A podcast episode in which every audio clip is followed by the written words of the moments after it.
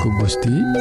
Tepang dangguude sarang Abdi Kang Eli Dina siaran anu maneh di gelombang SW anu disiarkan ti guam nyeta radio Advent Bewara Pangharapan.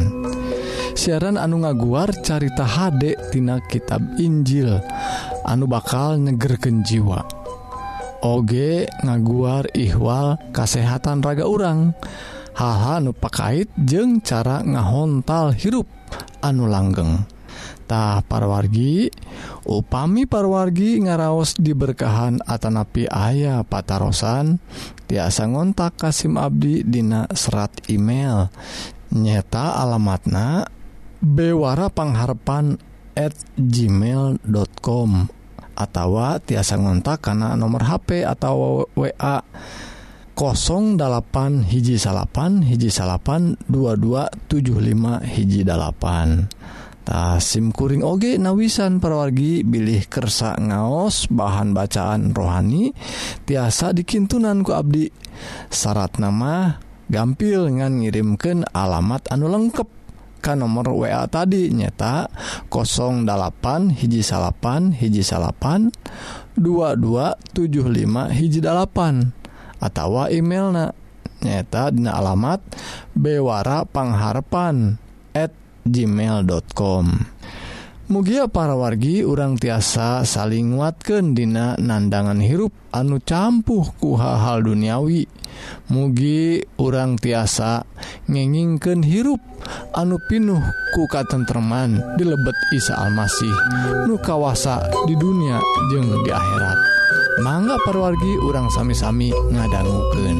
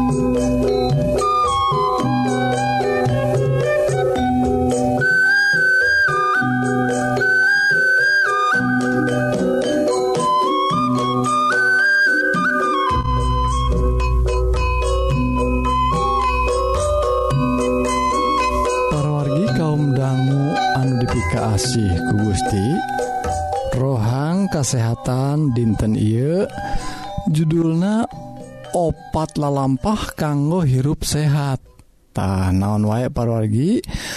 Opat lalampah orang kanggo hirup anu langkung sehat.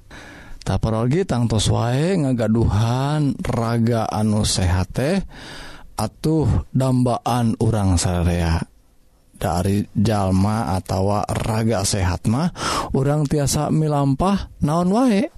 segala rupa tiasa dilampahan ke urang. Ari itu sehat mau parolginya tuang ge mual mual sugemaknya parogi takku gitu nah hayu parogi urang neleman soal opat lalampah anu gampil kanggo hirup anu langkung sehat. Hayu parogi Aina orang awitan muka hiji nyaeta tuang tuangan anu ngandung gigi seimbangtah seueur jalmi Jami Ainamah para ahli oge nyarankan soal tuangan anu sae tuangan anu seimbangtah tapi parwargi SIM Abdi ngagaduhan guru anu elmuna sae kanggo orang sarang gampil parwargi nyata anu nyarankan tuangan nu seimbang teh nyaeta tuangan anu asal muasalna tina bebetian tina bubuahan tina sasayuran. Nyata nu sebatean nabati teh ya. jantan perwargi sadaya anu sumberna atau asal muasal natina tutuhan atau sumber nabati eta anu disarankan kanggo tuangan anu seimbang atau gigi anu seimbang. Sarang nuang nate untuk kedah diproses-proses boh digorengnya boh di jus atau dikumahakan supaya raos gitunya tekedah nu gampil wa mun dicekrok langsung manga atahan oge. Amun teu tiasa ngan disepan wungkul pergi atawa dikulub tah cekap gitu oge. Sadaya tutuhan atau nabati anu badai dituang na di prosesna sederhana nu gampil sepertos dikulub atau disepan eta langkung saya parwargi gigi nage langkung saya kanggo orangtah jantan anu disebatken gigi anu seimbang teh Dina paparan rohang kesehatan I eta anu disebat whole plan base diet.tah hartos nanti neta diet anu sumbernatina tutuhan anu dituangna secara utuh. Tekedah diproses-proses anu langkung sesah parorgi Titan disebat whole plant based diet. Lajeng anu K2 Aina parorgi nyata kegiatan anu penting lalampah anu kedah dilampah ke urang kanggo hirup anu sehat nyaeta olahraga. Nah, naon olahraga anu teratur teh cik parwargi. Nyata kegiatan olahraga boh segala rupa gerakan oge salahsnate eta anu kasebat olahraga.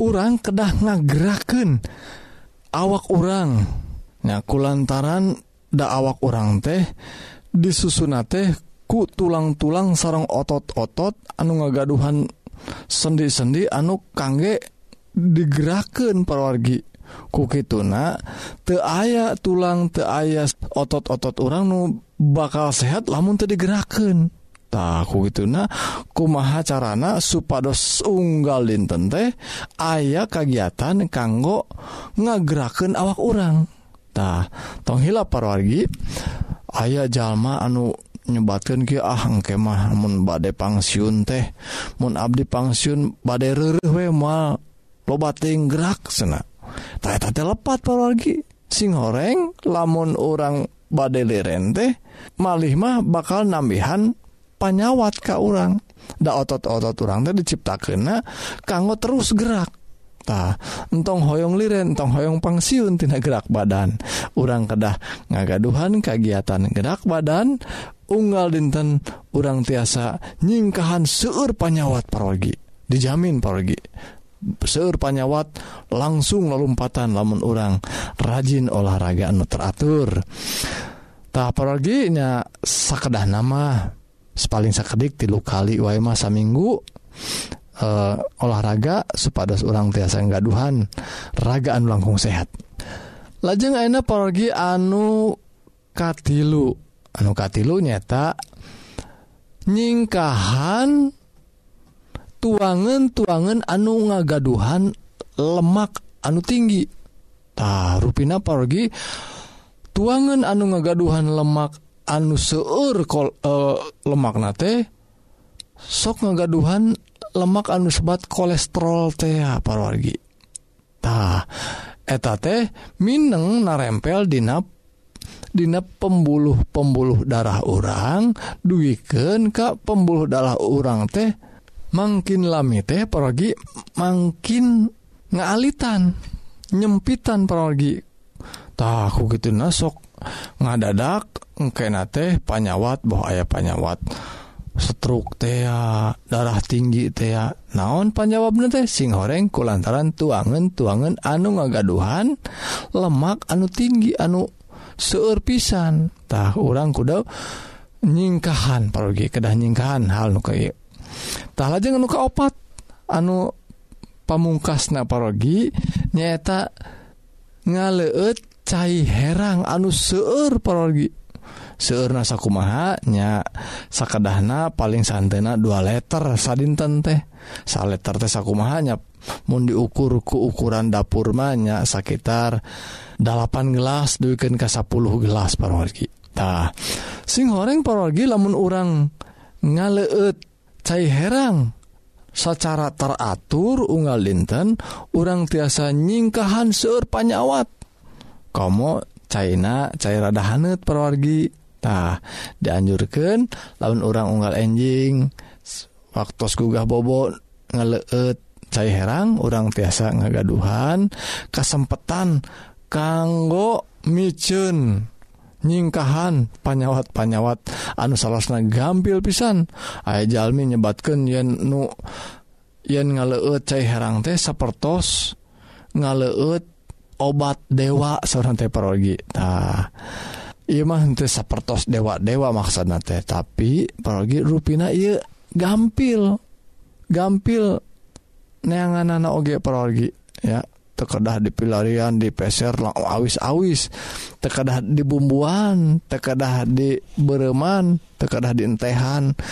Cai herang bakal nyingkahan seueur panyawat. Tah itu nah ayo parogi urang merakteken pola hirup anu sehat ku ngalampahkan opat rupa opat dalampah kanggo hirup sehat. Mugi Gusti ngaberkah amin.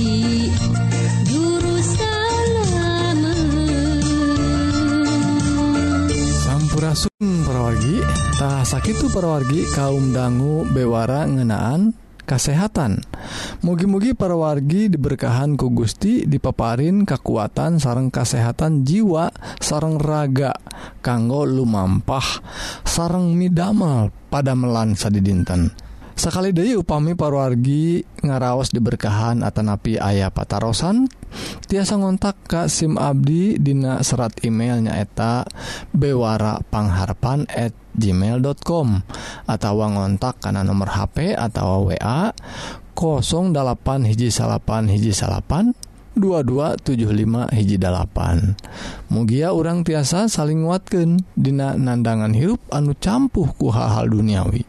Mugia orang tiasa ngenginkan hirup anu pinuh ku katentreman di lebet Isa Almasih nu kawasa di dunia jeung akhirat. Salah jengak parwargi Hayu atuh kaum dangu orang sadaya terasken kana rohang rohani anu bade ngaguar pengajaran kanggo bawaun kahirup di akhirat nu unggel natina kitab suci Sumangga wilujeng ngadangmuken.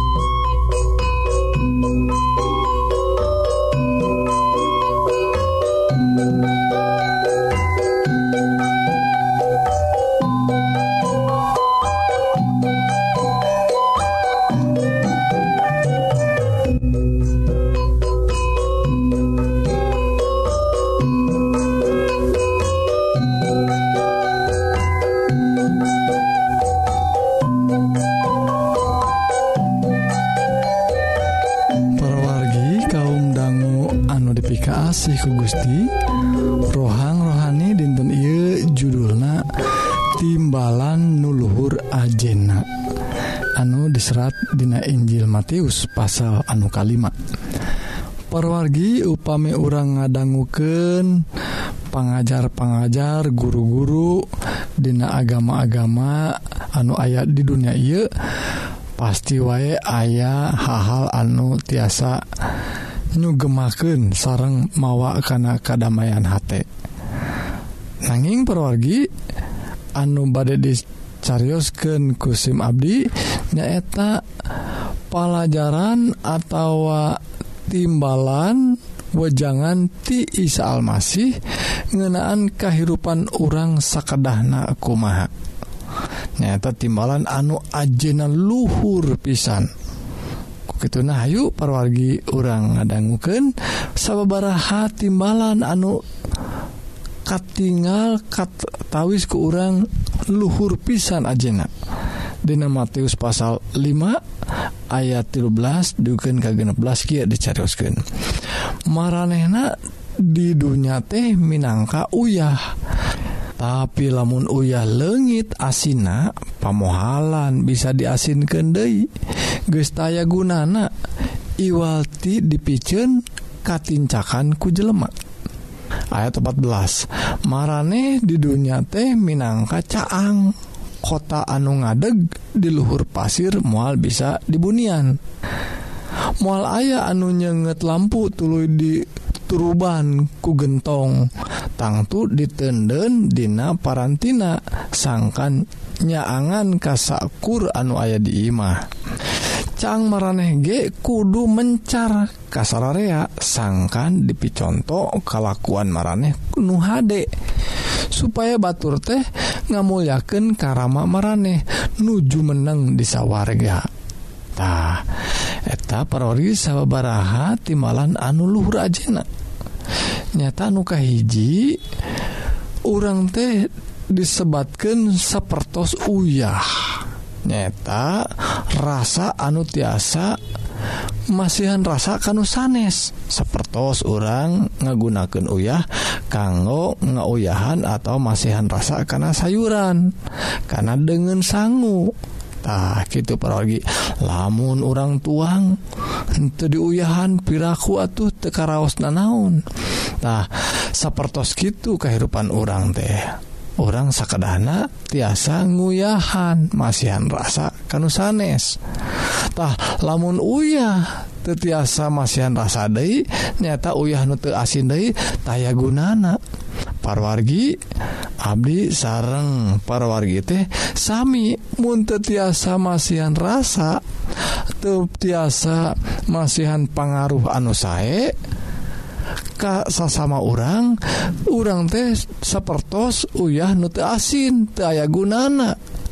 Salyan dikumahakannya tadi picen paling katincakan kubatur ogetahsa kedahna sahur Isa Almasih kehidupan orang teh marana teh sauna sapertos uyah Minangka uyah. Lajeng anu kedua perwargi nyata kehidupan orang teh sapertos caang. Ta caang? Tina naon caang teta Ari ayo nama panginten caang teh seueur. Tina listrik tina lampu anu tos gampil pisan tinggal treken dari kapung kurma anu dimaksud caang teh nyaeta lampu cempor sapertos gitu parwargi ya, lampu anu diminyakan anu ayah sumbuan. Lajeng disimpan nanti di mana?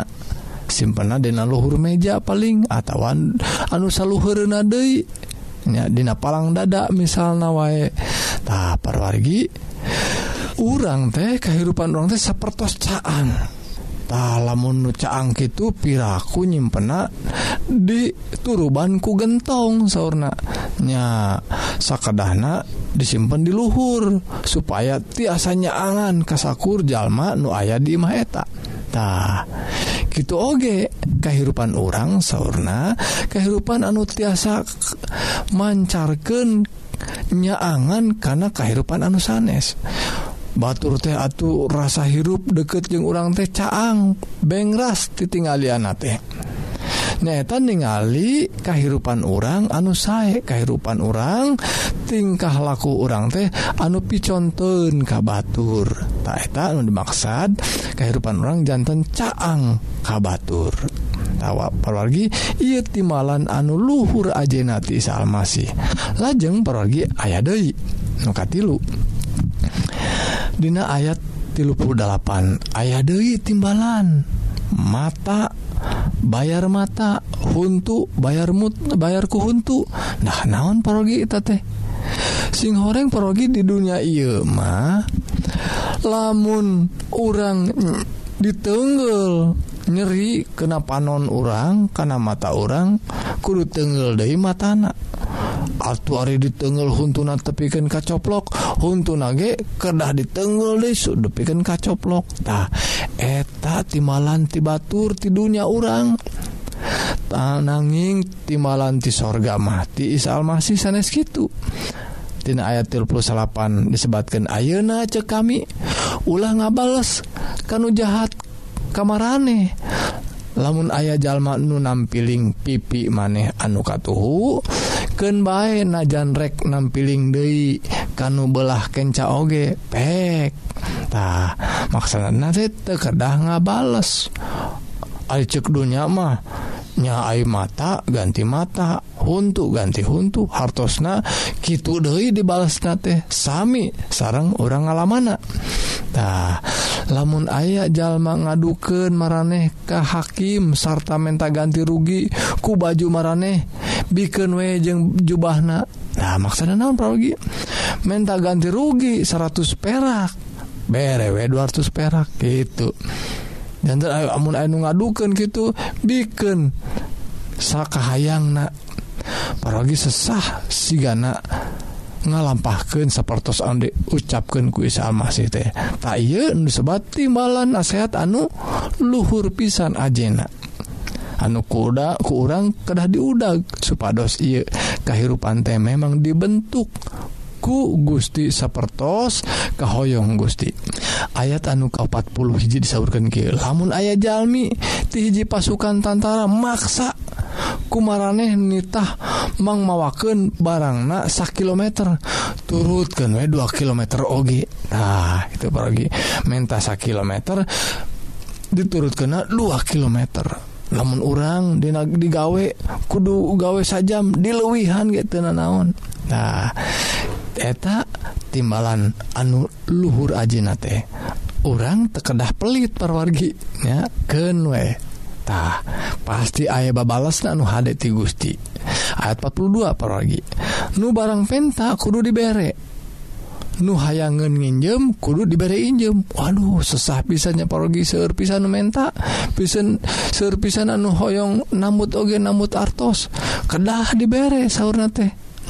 mareh ge ngadenge yen aya timalan kill kudunya ah kepada Baturtah musuh kudu dipika geluh pernah par parwargi ngadanggu gitunya nya orang kudunya ah pada Batur tapi ay musuh mah kudu dipika geluhtah nanging sauur Gusti mah disaurkan ku Isa Almasih sauna Ayeuna cek kami. Kamu suge kudunya ah tuh parwargi. Tay anu luhur ajena teh. Kamu soge kudunya ah.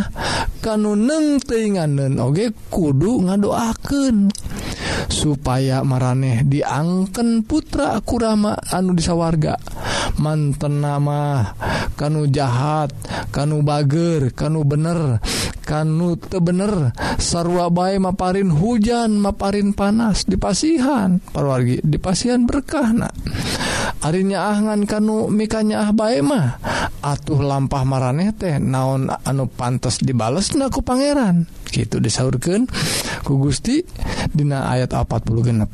Nyaah kanunya ahun mah tukang mulung pajak oge bisaun sena osok gitu ngalampah kena Daek someah kabebaturan wungkul mah naon luar biasa anak biasa wae etama nute nyarahun ke alage semet gitu mah geus bisa. Tah anu luhur ajenang nyaeta nyaah ka musuh urang. Anu panungtung perwargi disebatkan dina ayat 48 maraneh mah kudusing sampurna. Saku maharama maraneh nu disawarge sampurna. Tak paragi mugi-mugi ia dauhan Gusti anu singkat dauhan Gusti anu maparin ka orang nyetak nasehat atau timbalan anu ajena luhur pisan. Mugi jantan berkah karena tumuwuhna iman orang Gusti nga berkahan Ayu orang ngadoa. Nun Gusti Ramanu disawarga Rebu Nuhun syukur ka Gusti Numaparin ke Abdi Sadaya roh suci anu tiasa mukaken H Abdi nampi dauhan Gusti Ieu supados Abdi sadaya tiasa milampah hirup milampah hirup anu Dina jalan-jalan Gusti sapertos disaurkanku dauhan Gusti. Mugi Yepi doa dijabah ku Gusti pulantaran Yepi doa disangaken Dina asmana Isa Almasih juru salamet dunya amin.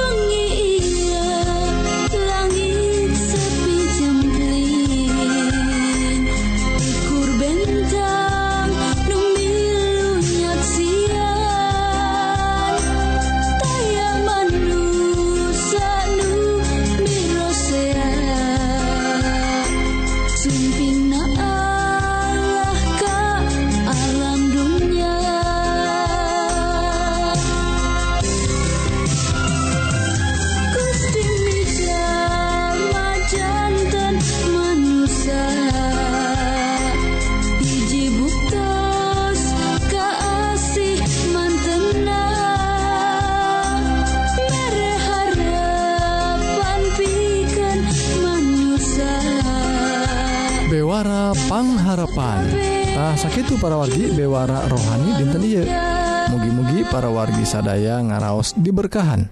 Sarang ngalaman hirup anu tengrem sapparantos ngadanggu dauhan Gusti anu pasti mual ingkar Dina nedunan Jangjijangjiina tahu pami parwargi Hoong diajar dauhan Gusti anu langkung jeruk tiasa ngontak Kasim Abdi Dina serat email nyata bewara pangharpan at gmail.com atau ngontak karena nomor HP atau WA 08 hiji salapan hiji salapan 2275 hiji dalapan.